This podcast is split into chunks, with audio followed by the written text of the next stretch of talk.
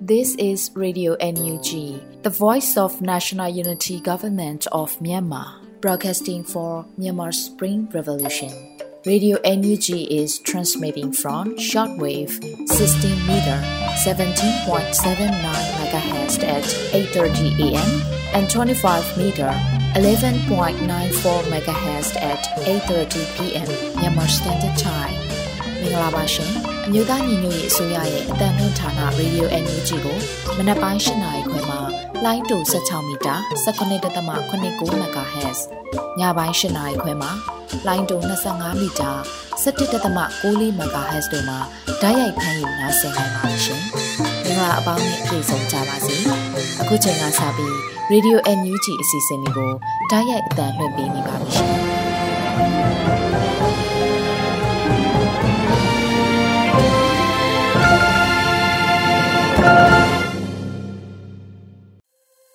မြန်မာနိုင်ငံသူနိုင်ငံသားအပေါင်းတဘာဝပြီးဆရာနာရှင်ပြီးတို့ကနေကင်းဝေးပြီးကိုစိတ်နှပါဘေးကင်းလုံခြုံကြပါစေလို့ရေဒီယိုအန်ယူဂျီဖွယ်သားများကဆုတောင်းမြတ်တာပို့သလိုက်ရပါတယ်ရှင်။အခုချိန်ကစပြီးကာကွယ်ရေးဝန်ကြီးဌာနရဲ့စီရေးသတင်းချင်းချုပ်ကိုတော့ Sordes တူနီမှဖတ်ကြားတင်ပြပေးပါမယ်ရှင်။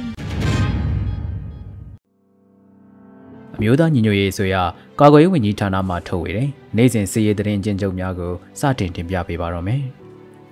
တရင်များအရစစ်ကောင်စီတပ်သား9ဦးသေဆုံးပြီးတအူးထိခိုက်ဒဏ်ရာရရှိခဲ့ကြောင်းတရင်ရရှိပါရခင်ဗျာ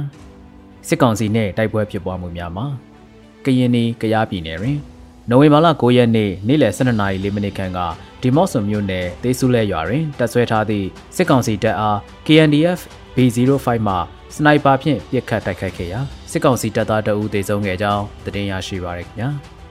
မော်ပြည်နယ်တွင်နိုဝင်ဘာလ10ရက်နေ့မနက်9:30ခန်းက တထုံမြို့နယ်ဝင်းစိန်ကျေးရွာအနီးတွင်စစ်ကောင်စီတပ်နယ်မှူးလေ့ကျင့်ရေးကိုမှဗိုလ်မှူးချစ်ဝင်းသူအပါအဝင်တပ်ဖွဲ့ဝင်၄ဦးနှင့်မတရားဖမ်းဆီးခံရသူတဦးလိုက်ပါစီးနင်းလာသောကားကိုတထုံပြည်သူ့ကာကွယ်ရေးတပ်ဖွဲ့ပကဖမှတားဆီးပစ်ခတ်ခဲ့ရာဗိုလ်မှူးချစ်ဝင်းသူအပါအဝင်စစ်ကောင်စီတပ်သား၃ဦးသေဆုံးပြီးတဦးဒဏ်ရာရကထွက်ပြေးလွတ်မြောက်ခဲ့၍လက်နက်၃လက်နှင့်ငွေသား23သိန်းသိမ်းဆည်းရရှိခဲ့ပြီးဖမ်းဆီးခံရသူကိုလည်းပြန်လည်ကယ်တင်နိုင်ခဲ့ကြောင်းသတင်းရရှိပါရခင်ဗျာတနင်္သာရီတိုင်းတွင် နိုဝင်ဘာလ10ရက်နေ့မနက်9:30မိနစ်ခန့်ကလောင်းလုံးမြို့နယ်ညောင်မင်းလန်းစုံအနီးတွင်လက်နက်ကင်ဆောင်ထားသည့်ပြူစောတိတဦးဖြစ်သူမင်းဝါအသက်30ကျော်ခန့်ကိုတဝဲပြည်သူ့ကာကွယ်ရေးအဖွဲ့ပကဖ DDT တပ်ခွဲ3နှင့်လောင်းလုံးပြည်သူ့ကာကွယ်ရေးတပ်ဖွဲ့ပကဖ LLPDF ရဲဘော်များအတူတကွပူးပေါင်းပြီးပစ်ခတ်တိုက်ခိုက်ခဲ့ရာတိုက်ခိုက်ခံရသူမှာလက်နက်ကင်ပြီးစစ်ကောင်စီတပ်သားများကြေးရွာတွင်သို့ဝင်လာချိန်တွင်လမ်းပြပို့ဆောင်ပေးခြင်းများပြုလုပ်ခဲ့သူဖြစ်ကြောင်းသတင်းရရှိပါရခင်ဗျာ။ နိုဝင်ဘာလ9ရက်နေ့နေ့လယ်3:30မိနစ်ခန့်က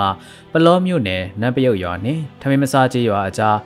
လမ်းကင်းယူထားသည့်စစ်ကောင်စီတပ်ဖွဲ့ဝင်များကိုဗိုလ်ကောင်းပြူစစ်ကြောင်းမှတွားရောက်ပစ်ကတ်တိုက်ခိုက်ခဲ့ရာစစ်ကောင်စီတပ်သား3ဦးထပ်မံတေဆုံးခဲ့ကြောင်းသတင်းရရှိပါရခင်ဗျာ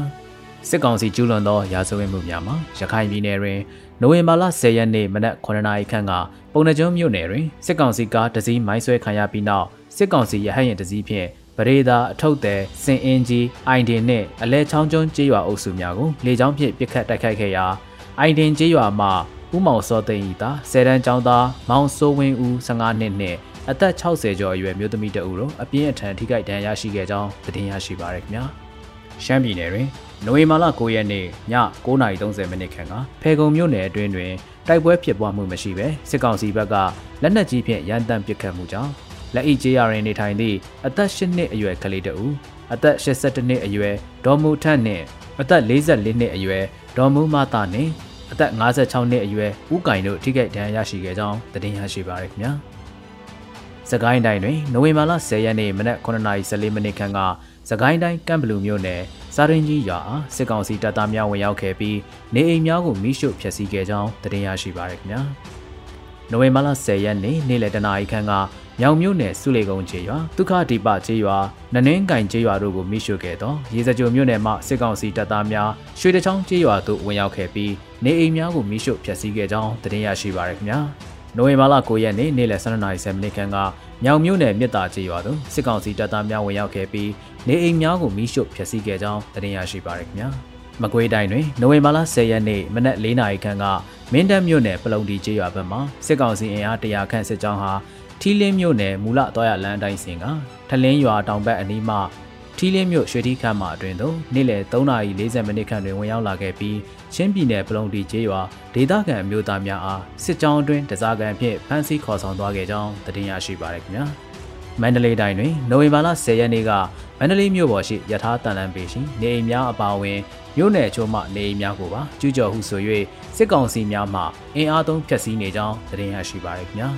ရန်ကုန်တိုင်းတွင်နိုဝင်ဘာလ9ရက်နေ့ကမရန်ကုန်မြို့နယ်3ရပ်ကွက်၈အိမ်စုတွင်ကိုရဲနောင်ရွှေရောင်သမိုင်းအဖွဲ့ဝင်ကို PDF ထောက်ဖို့လုပ်သည်ဟုဆိုကာစစ်ကောင်စီအဖွဲ့ဝင်များကဖမ်းဆီးခဲ့ရာရဲနောင်ကိုမတွေ့သဖြင့်၎င်းနှင့်အတူသွားအတူလာလုပ်နေသောလူငယ်၁၀ဦးခန့်ကိုဖမ်းဆီးခဲ့ကြောင်းသတင်းရရှိပါရခင်ဗျာ နိုဝင်ဘာလ9ရက်နေ့ည10:30ခန်းကလှိုင်မြို့နယ်တီရီမြိုင်နှစ်လမ်းထိန်ရွှေပရုံးလက်ဖေးဆိုင်တွင်ထိုင်နေသောလူငယ်၃ဦးအားစစ်ကောင်စီအဖွဲ့ဝင်များမှမှောင်ရိပ်ခုမှုဖြင့်ဖမ်းဆီးခဲ့ပြီးတဦးလျင်3000တောက်ရိပ်ပြန်လွှတ်ပေးခဲ့ကြောင်းသတင်းရရှိပါရခင်ဗျာ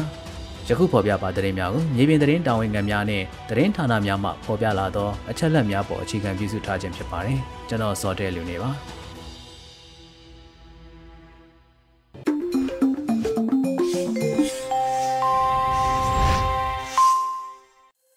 ရေဒီယိုညူချီမှာဆက်လက်တင်ပြနေပါတယ်။အခုဆက်လက်ပြီးနောက်ဆုံးရသတင်းများကိုလွတ်လပ်နေဦးမှဖတ်ကြားတင်ပြပေးပါရမရှင်။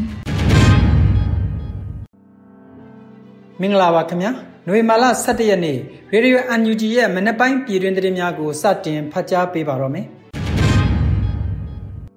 တရားမဝင်စစ်အုပ်စုနဲ့ခရိုနီများကိုအမေရိကန်ပြည်ထောင်စုနဲ့ဥရောပသမဂ္ဂမှစီးပွားရေးပိတ်ဆို့မှုအသစ်များထပ်မံတိုးချဲ့ဆောင်ရွက်ခဲ့မှုအပေါ် အမျိုးသားညွတ်ရေးအစိုးရမှ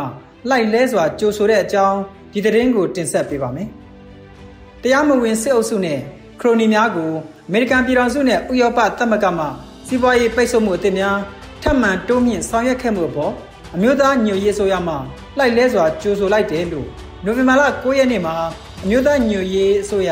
နိုင်ငံခြားရေးဝန်ကြီးဌာနကသတင်းထုတ်ပြန်ခဲ့ပါတယ်။အမေရိကန်ပြည်ထောင်စုနဲ့ဥရောပသမဂ္ဂတို့မှနိုဝင်ဘာလ10ရက်နေ့2022ခုနှစ်တွင် တရားမဝင်စစ်အုပ်စုနဲ့၎င်းတို့နဲ့ဆက်နွယ်နေသည့်ခရိုနီများကိုစီးပွားရေးပိတ်ဆို့မှုအသစ်များထပ်မံတိုးမြင့်ဆောင်ရွက်ခဲ့မှုပေါ်အမျိုးသားညွရေးဆိုရမှလိုက်လဲစွာကျေးဇူးတင်တယ်လို့ဆိုပါတယ်။ယခုထပ်မံတိုးမြင့်တဲ့အရေးယူဆောင်ရွက်မှုများဟာမြန်မာပြည်သူများအားတရားဝင်အသိမှပြုနိုင်သည့်အမျိုးသားညွရေးအစိုးရပေါ်ထောက်ခံအားပေးကြောင်းသတင်းစကားပါလိုက်ခြင်းလည်းဖြစ်ပြီးတော့တစ်ဖက်မှာလည်းစစ်ရာဇဝမှုများကိုတိုးမြင့်လှုပ်ဆောင်နေသည့် အကြမ်းဖက်စစ်အုပ်စုအားလည်းတတိပေးလိုက်ခြင်းလည်းဖြစ်ပါတယ်လို့ဆိုပါတယ်။ဥရောပသမဂ္ဂရဲ့ထပ်မံတိုးမြင့်လိုက်တဲ့စီးပွားရေးပိတ်ဆို့မှုများဟာလူပုဂ္ဂိုလ်19ဦးနဲ့စစ်အုပ်စုနဲ့ဆက်နွယ်နေသည့်အဖွဲ့အစည်းတစ်ခုကိုအရေးယူလိုက်ခြင်းဖြစ်ပြီးယခုအချိန်ဆိုရင်9ကြိမ်မြောက်ထပ်လောင်းအရေးယူခဲ့ခြင်းဖြစ်ပါတယ်။အမေရိကန်ပြည်ထောင်စုရဲ့ယခုအချိန်အရေးယူမှုဟာစစ်အုပ်စုရဲ့စစ်လေရင်နဲ့ဆက်ဆက်အစိတ်ပိုင်းများဝယ်ယူထောက်ပံ့နေသူများကိုဥတီအရေးယူနေခြင်းဖြစ်က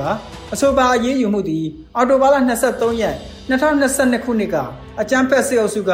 ကချင်တိုင်းသားတို့ရဲ့ဖျော်ဖြေရေးအခမ်းအနားတစ်ခုကိုလေကြောင်းမှတိုက်ခတ်ခဲ့ပြီးလူပေါင်း100ခန့်ထိခိုက်သေးဆုံးခဲ့ရသောအကြမ်းဖက်ဖြစ်စဉ်နောက်ပိုင်းဆောင်ရွက်ခဲ့ခြင်းလည်းဖြစ်ပါတယ်။မြန်မာပြည်သူများအရေးအတွက်အမေရိကန်ပြည်ထောင်စုနဲ့ဥရောပသမဂ္ဂတို့မှဦးစီးဦးဆောင်ပြု၍ဆောင်ရွက်နေမှုများကိုလည်းအမျိုးသားညွရေးအစိုးရကကျေးဇူးအထူးတင်ရှိပါတယ်လို့နိုင်ငံခြားရေးဝန်ကြီးဌာနကဖော်ပြထားပါတယ်ခင်ဗျာ။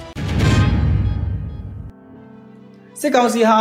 ပြည်သူလူထုရဲ့ငြိမ်းချမ်းစွာနေထိုင်တဲ့နေရာတွေကိုအထစ်ကထားပြီးခြေမုံမှုစ조사နေတယ်လို့ပြည်ထောင်စုဝန်ကြီးဒေါက်တာလျံမွန်းစာခေါင်းကပြောကြားလိုက်တဲ့သတင်းကိုတင်ပြပေးပါမယ်။နိုဝင်ဘာလအတွင်းတွေ့ဆုံမေးမြန်းခန်းတစ်ခုမှာဖက်ဒရယ်ပြည်ထောင်စုရေးရာဝန်ကြီးဌာနပြည်ထောင်စုဝန်ကြီးဒေါက်တာလျံမွန်းစာခေါင်းကပြောပါတယ်။စစ်ကောင်စီရဲ့ထိတ်တန့်လျှို့ဝှက်ပေါ့သူတို့အဓိကပြစ်မှတ်ထားတဲ့နေရာတွေကိုကြည့်မယ်ဆိုရင်နံပါတ်1ကခရိယံဖျားเจ้าပါတယ်နံပါတ်2ဆေးရုံပါမယ်နံပါတ်3ကကျောင်းတွေပါပါတယ်။ ဒါတွေကိုကြည့်မယ်ဆိုရင်ဒါတွေကစစ်ရေးစစ်ရာစစ်ရေးပြစ်မှမဟုတ်ပါဘူးပြည်သူလူထုရဲ့ငြိမ်းချမ်းစွာနေထိုင်နေတဲ့နေရာတွေကိုတိုက်ခိုက်ဖို့အတိကထားပြီးခုလိုခြေမုံဖို့ကြိုးစားတယ်ဆိုတာသိတာထင်ရှားနေတယ်ကချင်ပြည်နယ်ဖကန့်အနက်ပါလေကြောင်းတိုက်ခိုက်မှုပြီးမှာအကြမ်းဖက်စစ်အုပ်စုက CNF ဌာနချုပ်လို့ယူဆရတဲ့နေရာတွေကိုလေကြောင်းတိုက်ခိုက်မှုတွေရှိလာခဲ့ပါတယ်ခင်ဗျာ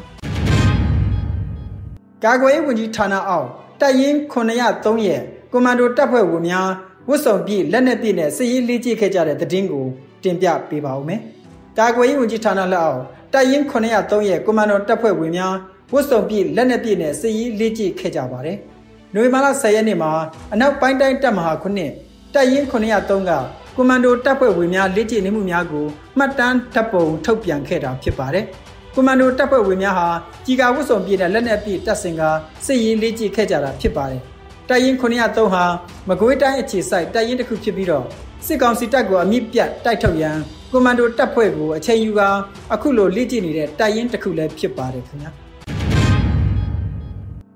စကိုင်းတိုင်းတွင်းကပြည်သူ့ကာကွယ်ရေးတပ်ဖွဲ့ကလုံခြုံရေးစစ်ဆေးမှုတွေလှုပ်ဆောင်နေပြီးတော့အတိတ်ကလမ်းမြရဲ့90ရာခိုင်နှုန်းနီးပါးကိုထိန်းချုပ်ထားတဲ့အခြေအနေကိုတင်ပြပေးပါဦးမယ်။ စကိုင်းတိုင်းတွင်းကပြည်သူ့ကာကွယ်ရေးတပ်ဖွဲ့ကလုံခြုံရေးစစ်ဆေးမှုတွေလှုပ်ဆောင်နေနိုင်ပြီးတော့အတိတ်ကလမ်းမြရဲ့90ရာခိုင်နှုန်းနီးပါးကိုထိန်းချုပ်ထားတယ်လို့ကာကွယ်ရေးဝန်ကြီးဌာနကဆိုပါတယ်။နိုဝင်ဘာလ10ရက်နေ့ကာကွယ်ရေးဝန်ကြီးဌာနရဲ့ Twitter ကတည်းကအခုလိုသတင်းကိုထုတ်ပြန်ဖော်ပြခဲ့တာပါ။စကိုင်းတိုင်းတွင်းကပြည်သူ့ကာကွယ်ရေးတပ်ဖွဲ့ဟာလုံခြုံရေးစစ်ဆေးမှုတွေလုပ်နေတယ်။စကိုင်းတိုင်းဒေသကြီးရှိအတိကလမ်းမများရဲ့90ရာခိုင်နှုန်းနီးပါးကိုထိန်းချုပ်ထားနိုင်ခဲ့တယ်လို့ဆိုပါတယ်။လက်ရှိမှာစကိုင်းတိုင်းနဲ့မကွေးတိုင်းကမြို့နယ်36ခုကို စိုးမိုးထိန်းချုပ်ထားနိုင်ပြီးတော့က3လုံးစီမံချက်အနေနဲ့စကိုင်းတိုင်းကမြို့နယ်3ခုမှာလည်းတရားစီရင်ရေးအုပ်ချုပ်ရေးပြည်သူ့ဝန်ဆောင်မှုလုပ်ငန်းများအကောင့်ထဲပေါ်လှုပ်ဆောင်နေပါတယ်ခင်ဗျာ။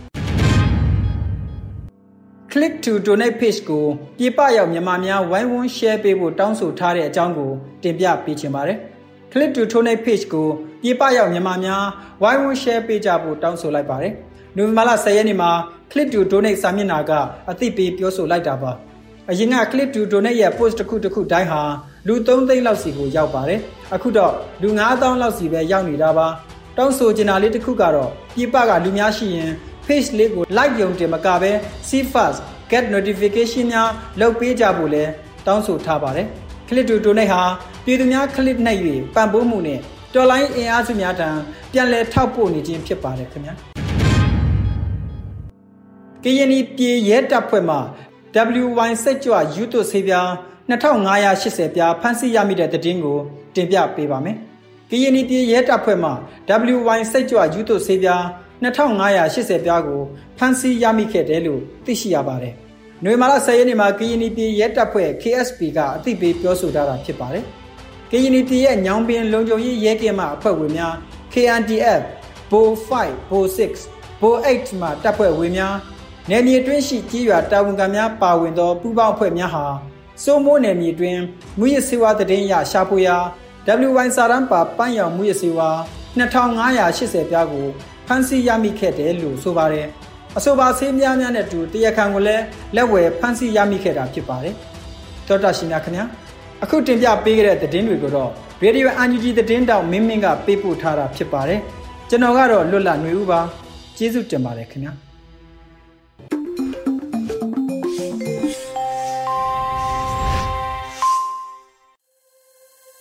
ရေဒီယိုအန်ယူဂျီမှာဆက်လက်တင်ပြနေပါတယ်။ဒီနေ့ရဲ့တော်လှန်ရေးကြပြအစီအစဉ်မှာတော့ဒေါင်းနိမိတ်ရှင်းရှင်းနဲ့ကောင်းတိတ်သတင်းတွေကြောင့်လောင်းရိပ်တော့ကင်းစေခြင်းလို့အမည်ရတဲ့တော်လှန်ရေးကြပြကိုထုံးဝင်းငိမ့်ရေးသားပြီးနှွေဦးမှုမှရွတ်ဖတ်ထားတာကိုနားဆင်ကြရတော့မှာဖြစ်ပါတယ်ရှင်။ကဘာစစ်ကိုမကြုံဘူးပင်မဲ့ကဘာပြတ်တာကိုတော့ကြုံနေရတယ်။ကြွေတာကိုကဝေဖို့ဆိုကြသလို ပြတ်တဲ့အဖြစ်တွေမှာဟောင်းတဲ့အညစ်တွေထက် ကောင်းတဲ့အသက်တွေပြောင်းကြရမှာပေါ့။အဟောင်းကိုခြေဖြတ်မှအသက်ကိုတိဆောက်လို့ရတဲ့ကြွေခဲ့တဲ့သစ်စိတ်တွေကအပင်သစ်တွေမွေးဖွားတယ်လို့မျိုးတဘာဝတော်လန်ရေးရဲ့အလှတရားလေးအဟောင်းကိုဖတ်တွယ်သူတွေကဆွေးမြေ့ပျက်စီးလွယ်ကြတယ်အသက်နဲ့တန်တရားတစ်ခုစာလွဲခဲ့တာမသိရှာကြ တော်လန်ရေးရဲ့တဘာဝကိုကဓမ္မစေဒီဝတ္ထုထဲမှာပသိမ်စာပညာအိမ်ရဲ့ကျိန်းတန်ကိုဆရာကြီးမှရေးခဲ့တယ်လို့တန်တရားကိုမမှုပင်မဲ့ဒီတခါတော့ဆွေမျိုးချင်းဝန်သာမနုနိုင်ဘူးဆိုသလိုပအတော်အတန်ဝေးတာတွေအချိန်ကြခြင်းပင်မဲ့တော်လန်ရေးကတရေမကြဘူးစိတ်ကောက်တယ်လို့မျိုးကလည်းအနိုင်မရဘူးအချိန်နဲ့အမျှအားပြိုင်နေရတဲ့အခါ ဝစီပိတ်ပြူဟာနဲ့အတန်တိတ်ဝင်ကဘာမှာရွာလေနေကြတာရွာနာပါတယ်စိတ်ရင်းအခန့်မှန်ပေမဲ့အစိတ်အတောက်နဲ့ဖိတ်ဖိတ်တောက်ခဲ့ပြီးအိတ်ပေါက်နဲ့ဖားကောက်ခဲ့တာတွေသင်္ကန်းစာမထုတ်နိုင်ခင်မှာအသစ်တစ်သောတိုက်ရဲသူတို့နဲ့စွန့်လွတ်ခဲ့ကြသူ အာဇာနီအပေါင်းတို့ရဲ့မဟာသူရဲကောင်းဗိမာန်မှာຫນွေဦးတော်လန်ရေးရဲ့အောင်ပွဲခံတေးတံတွေက ပြန့်လွင့်နေစေပြန့်နေစေပေါ် ထွန်ဝင်းငိမ့်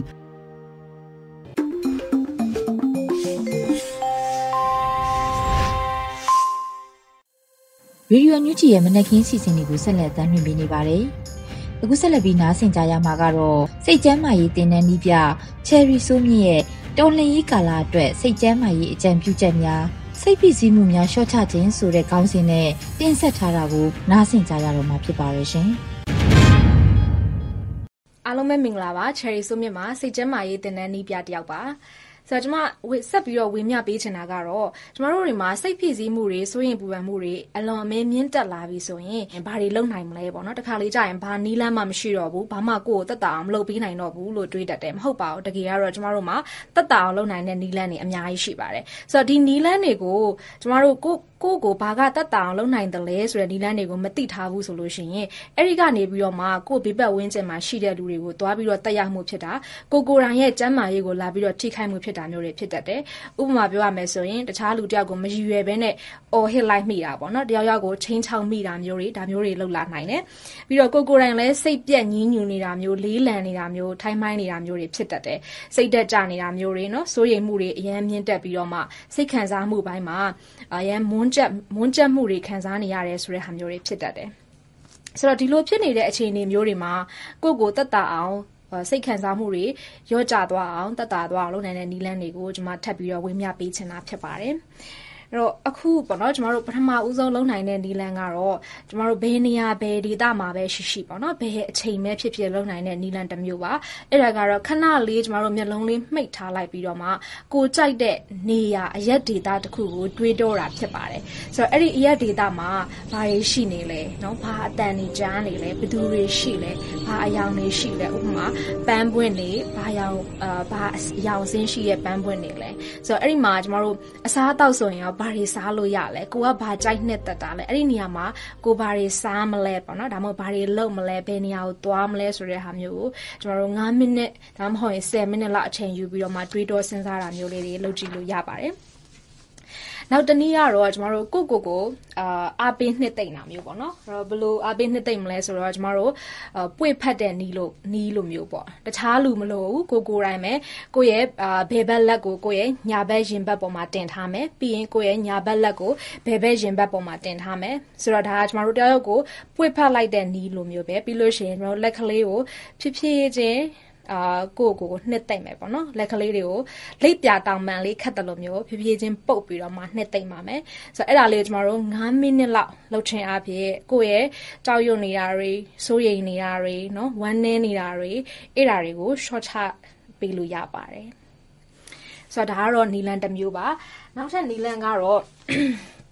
ကျမတို့အာလှုပ်ကလထိုင်ရှိတယ်ဆိုလို့ရှိရင်လည်းဒါမှမဟုတ်ပကတ်ရှိရင်ပဲဖြစ်ပေါ့နော်ခဏလေးအဲမှီပြီးတော့မှကျမတို့အဲ့လှုပ်ကလထိုင်မှာရှင်းနောက်အာလှုပ်ရမ်းပြီးတော့မှခဏကို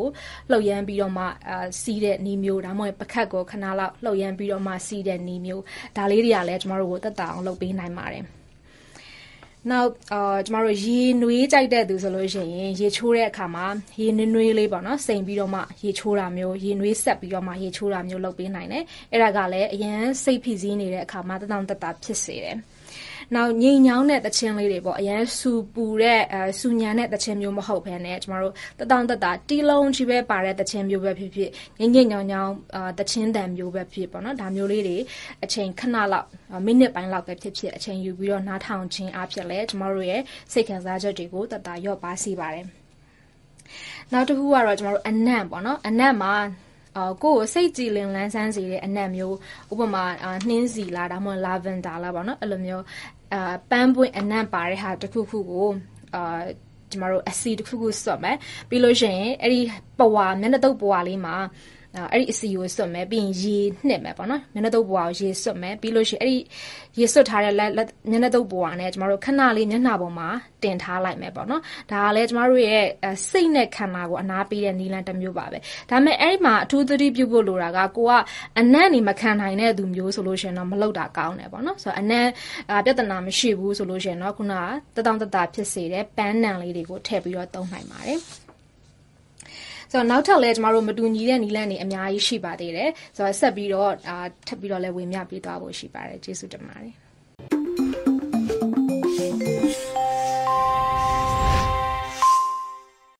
ရေဒီယိုအန်ယူဂျီပရိသတ်များကိုဘူးဆက်လက်ပြီးထုတ်လွှင့်ပေးမှာကတော့တော်လန်ရေးတိဂီတာအစီအစဉ်ဖြစ်ပါတယ်။ Artbox Entertainment ရဲ့စတေးထားသောရင်ပတ်များလို့အမည်ရတဲ့တော်လန်ရေးတိဂီတာကိုနားဆင်ကြရတော့မှာဖြစ်ပါတယ်ရှင်။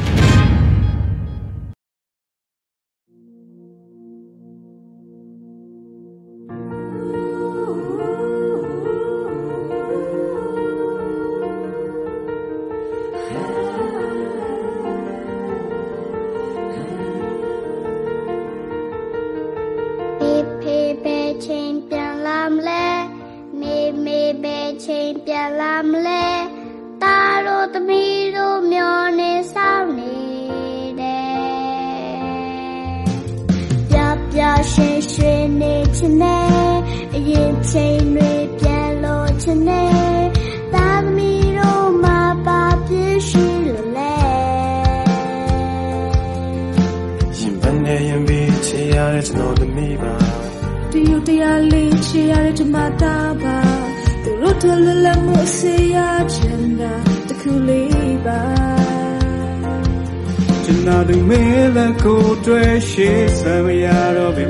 အန်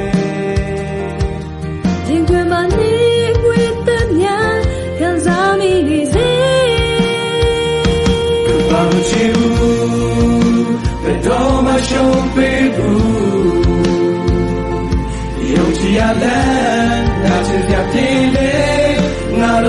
ူ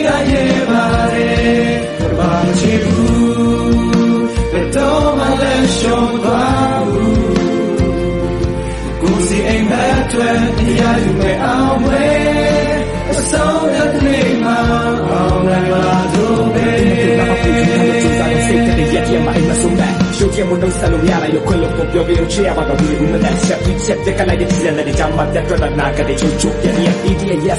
်းလွှင့်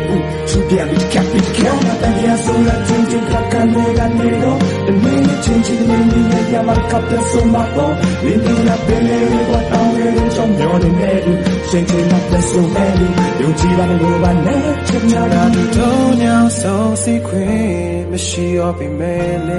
တ 你对眼去看的送带呗，可把么接不，可把么接不，那多么羞愧不，有气呀嘞，那就叫气嘞，那路对呀也把嘞，可把么接不，那多么了羞不多。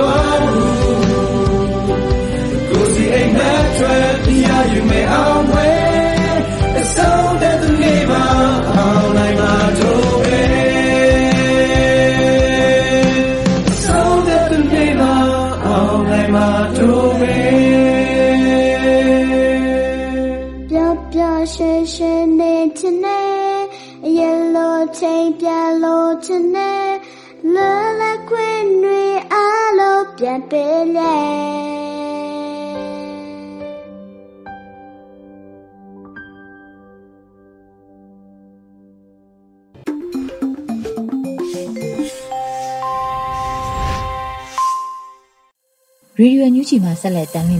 ယ်။အခုဆက်လက်ပြီး PPTV ရဲ့နေ့စဉ်သတင်းများကိုထက်ထက်အင်ဒရာအောင်မှဖတ်ကြားတင်ပြပေးပါတော့မယ်ရှင်။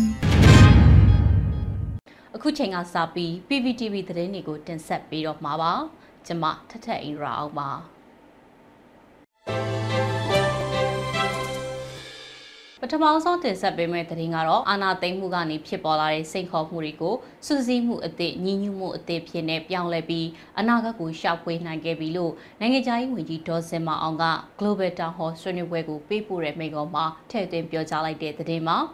အကြမ်းဖက်စစ်ကောင်စီရဲ့ပြည်သူအစိုးရကိုအာဏာသိမ်းမှုကနေဖြစ်ပေါ်လာတဲ့စိန်ခေါ်မှုတွေကိုစုစည်းမှုအသစ်ညီညွတ်မှုအသစ်ဖြစ်နေပြောင်းလဲပြီးအနာဂတ်ကိုရှောက်ဖွေးနိုင်ခဲ့ပြီလို့နိုင်ငံရေးဝန်ကြီးဒေါ်စင်မအောင်က Global Town Hall ဆွေးနွေးပွဲကိုပေးပို့တဲ့မိန့်ခွန်းမှာထည့်သွင်းပြောကြားလိုက်ပါတယ်။အကြမ်းဖက်အာဏာသိမ်းမှုကနေဖြစ်ပေါ်လာတဲ့စိန်ခေါ်မှုတွေကိုကျမတို့ဟာစူးစီးမှုအသစ်ညီညွတ်မှုအသစ်ကိုဖော်ဆောင်နိုင်မဲ့အခွင့်အလမ်းဖြစ်ပြောင်းလဲနေတဲ့ဆိုတာပါကျမတို့ဟာကျမတို့ကိုခွဲခြားထားတဲ့အတိတ်သမိုင်းကဒဏ်ရာတွေအစား ကျမတို့ကိုစူးစီးနိုင်မဲ့အနာဂတ်ကိုရှောက်ဖွေးနိုင်ခဲ့ပြီဖြစ်ပါတယ်ဒါဟာခေတ်အဆက်ဆက်ဆင်အာဏာရှင်တွေကြောက်ရွံ့ခဲ့တဲ့မမြင်ချင်ခဲ့တဲ့စုစည်းမှုပဲဖြစ်ပါတယ်လို့နိုင်ငံရေးဝန်ကြီးဒေါ်စင်မအောင်ကပြောကြားခဲ့တာပါ။သွေးကွဲနေသောကမ္ဘာမှာရရှိငြိမ်းချမ်းရေးနဲ့ဖွံ့ဖြိုးတိုးတက်ရေးခေါင်းစဉ်နဲ့ပြုလုပ်တဲ့ Global Town Hall ဆွေးနွေးပွဲအတွက်မိန့်ခွန်းပြောကြားဖို့ကြိုတင်ပေးပို့ထားရမှာအမျိုးသားညီညွတ်ရေးအစိုးရနိုင်ငံရေးဝန်ကြီးဌာနပြည်ထောင်စုဝန်ကြီးကအခုလိုမျိုးထည့်သွင်းပြောကြားထားတာပါ။ဒါပြင်အာဏာရှင်တွေဟာ ပြည်သူလူထုနဲ့တိုင်းပြည်တိဆောက်ရေးအင်အားစုတွေကြားသွေးခွဲအုပ်ချုပ်ခြင်းနှီးနာကိုသူတို့အာဏာတည်မြဲရေးအတွက်မဟာဗျူဟာနီးနာအဖြစ်အဆင့်တစိုက်ကျင့်သုံးခဲ့ကျင့်သုံးစေလေဖြစ်တယ်လို့ထောက်ပြပြောကြားခဲ့ပါတယ်။မြန်မာပြည်သူတွေကဆရာနာရှင်တွေပြုလုပ်မဲ့ရွေးကောက်ပွဲကိုလည်းအတိအမှတ်ပြုမှာမဟုတ်သလိုဘယ်လိုနည်းနဲ့မှတော်လှန်ရေးကနေနောက်ဆုံးမှာမဟုတ်ဘူးဆိုပြီးတော့လည်းပြောကြားခဲ့တာပါ။လက်ရှိမြန်မာကဘာရဲ့ကွဲပြားမှုပြိုင်ဆိုင်မှုတွေပုံမပြင်းထန်လာတဲ့အခြေအနေဟာ ဒီမိုကရေစီငြိမ်းချမ်းရေးနဲ့ဖွံ့ဖြိုးတိုးတက်မှုတို့အတွက်ဆယ်စုနှစ်ပေါင်းများစွာရုန်းကန်တိုက်ပွဲဝင်နေရတဲ့မြန်မာနိုင်ငံလိုနိုင်ငံတွေရဲ့ဒီမိုကရေစီနဲ့ငြိမ်းချမ်းရေးအတွက်လွန်စွာစိုးရင်ပွဲရာအခြေအနေကိုတွန်းပို့နေတယ်ဆိုပြီးတော့လည်းနိုင်ငံရေးဝန်ကြီးဒေါ်စင်မအောင်ကပြောကြားခဲ့ပါတယ်။ဆလတ်တင်ဆက်မှာကတော့ပြည်ထောင်နဲ့လွေမှုကြီးကြပ်ရေးဝန်ကြီးဌာနနဲ့စကိုင်းတိုင်းနဲ့မကွေးတိုင်းကမြို့နယ်ပြည်သူ့အုပ်ချုပ်ရေးအဖွဲ့တွေတွဲဆုံဆွေးနွေးမှုပြုလုပ်ခဲ့တဲ့တဲ့တင်မှာ အမျိုးသားညီညွတ်ရေးအစိုးရပြည်ထောင်နဲ့လူမှုကြီးကြပ်ရေးဝန်ကြီးဌာနနဲ့စကိုင်းတိုင်းနဲ့မကွေးတိုင်းကမြို့နယ်ပြည်သူ့အုပ်ချုပ်ရေးအဖွဲ့တွေကြားတွေ့ဆုံပွဲကိုနိုဝင်ဘာလ9ရက်မနက်10:00နာရီအချိန်မှာပြုလုပ်ခဲ့ပါတယ်။ဆွေးနွေးပွဲမှာပြည်ထောင်နဲ့လူမှုကြီးကြပ်ရေးဝန်ကြီးဌာနတွဲဘက်အမြဲတမ်းအတွင်ဝင်ဒေါက်တာလှိုင်မြင့်ဟန်ကပြည်သူ့တော်လှန်ရေးမှာအထက်အောက်မရှိဘဲအားလုံးပေါင်းစည်းညှိနှိုင်းဆောင်ရွက်သွားကြပါဖြစ်တယ်။ အုပ်ချုပ်ရေးလုပ်ငန်းစဉ်တွေကအသည့်အသင့်နဲ့ဆောင်ရွက်ရမှာဖြစ်လို့ပြည်သူလူထုရဲ့လုံခြုံရေးနဲ့ဝန်ဆောင်မှုတွေကိုစီစီလုံးလုံးနဲ့ဆောင်ရွက်ပေးစီလိုတယ်။တော်လှန်ရေးလောက်ကင်နေတာကိုမျက်ခြေမပြတ်ရန်လိုတယ်ဆိုပြီးတော့ပြောကြားခဲ့ပါတယ်။တက်ရောက်လာတဲ့ပြည်သူ့အုပ်ချုပ်ရေးအဖွဲ့တွေကမြေပြင်အုပ်ချုပ်ရေးဆောင်ရွက်နေမှုတွေကြုံတွေ့နေရတဲ့အခက်အခဲတွေနဲ့လိုအပ်ချက်တွေကိုရှင်းလင်းတင်ပြပြီးမူဝါဒပိုင်းဆိုင်ရာသိရှိလိုတာတွေကိုမေးမြန်းကြကဝန်ကြီးဌာနကသက်ဆိုင်ရာတာဝန်ရှိသူတွေကပြန်လည်ဖြေကြားခဲ့ပါတယ်။ အစည်းအဝေးကိုတွဲဘက်အမြဲတမ်းအတွင်းကဦးဆောင်ပြီးပြည်သူ့အုပ်ချုပ်ရေးဦးစီးဌာနပြည်သူ့ရဲတပ်ဖွဲ့မိသက်ဦးစီးဌာနလူဝင်မှုကြီးကြပ်ရေးဦးစီးဌာနအထူးဆောင်စမ်းစစ်ဆေးရေးဦးစီးဌာနတို့ကတာဝန်ရှိသူတွေစကိုင်းတိုင်းနဲ့မကွေးတိုင်းကမြို့နယ်ပြည်သူ့အုပ်ချုပ်ရေးအဖွဲ့ဝင်တွေတက်ရောက်ခဲ့ကြပါတယ်။ ဆလတ်တင်ဆက်ပေးမှာကတော့ရခိုင်တပ်တော် AA နဲ့အကြမ်းဖက်စစ်ကောင်စီတပ်တို့နေရာ၅ခုကတိုက်ပွဲဖြစ်ပြီးတော့အကြမ်းဖက်စစ်သား10ဦးသေဆုံးနေဆိုတဲ့သတင်းမှာရခိုင်တပ်တော် AA နဲ့အကြမ်းဖက်စစ်ကောင်စီတပ်တို့ဟာနိုဝင်ဘာလ10ရက်တရက်ထဲမှာပဲရခိုင်နဲ့ပလက်ဝဒေသကနေရာ၅ခုမှာတိုက်ပွဲဖြစ်ပွားခဲ့ပြီးအကြမ်းဖက်စစ်သား10ဦးသေဆုံးတယ်လို့ AA ကထုတ်ပြန်ပါတယ်။ အကြမ်းဖက်စစ်ကောင်စီတပ်ကစစ်ရေးလှုပ်ရှားမှုတွေနဲ့အတူအေအေတပ်ဖွဲ့တွေရှိတဲ့နေရာတွေကိုဝင်းရောက်တိုက်ခိုက်တာတွေတပြိုင်နက်တည်းပြုလုပ်နေတာကြောင့်အခုလိုတိုက်ပွဲတွေခက်စိတ်စိတ်ဖြစ်ပွားခဲ့တာလို့ဆိုပါတယ်။နိုဝင်ဘာလ10ရက်နေ့မှာတိုက်ပွဲဖြစ်ပွားခဲ့တဲ့နေရာတွေကရခိုင်ပြည်နယ်အမ်းမြို့နယ်မင်းပြမြို့နယ်မောင်တော်မြို့နယ်နဲ့ချင်းပြည်နယ်ပလက်ဝမြို့နယ်တို့မှာဖြစ်ပါတယ်။ရခိုင်ပြည်မင်းပြမြို့နယ်ခေါင်လောင်ချောင်းရွာရဲ့အနောက်မြောက်ဘက်1.6ကီလိုမီတာမှာတပ်မ55လောက်ခန့်တပ်ဖွဲ့ဝင်များ လက်နက်ခဲယမ်းများပါဝင်သောအကြမ်းဖက်စစ်ကောင်စီရဲ့စစ်သုံးဆက်သမောတစည်းနဲ့ရင်းဆက်သမောနဲ့အတူလေချောင်းကလုံခြုံရေးပါလာတဲ့ရဟတ်ရင်တစည်းအားနေရာနှစ်ခုမှာဖျက်တောက်တိုက်ခိုက်ခဲ့တယ်လို့ AA ကထုတ်ပြန်ပါတယ်။အကြမ်းဖက်စစ်ကောင်စီဟာလက်နက်ကြီးတွေ drone တွေဂျက်တိုက်လေယာဉ်တွေနဲ့နေညအချိန်မရွေးရန်တမ်းပစ်ခတ်တိုက်ခိုက်တာတွေကိုဆက်လက်ပြုလုပ်နေပြီးအပြစ်မဲ့ပြည်သူတွေကိုမတရားဖမ်းဆီးတာ ပြစ်ခတ်တပ်ဖြတ်နေတာတွေကိုလည်းမြန်မာနိုင်ငံတဝန်းမှာပြုလုပ်နေပါတယ်။ကျေးဇူးတင်ပါတယ်ရှင်။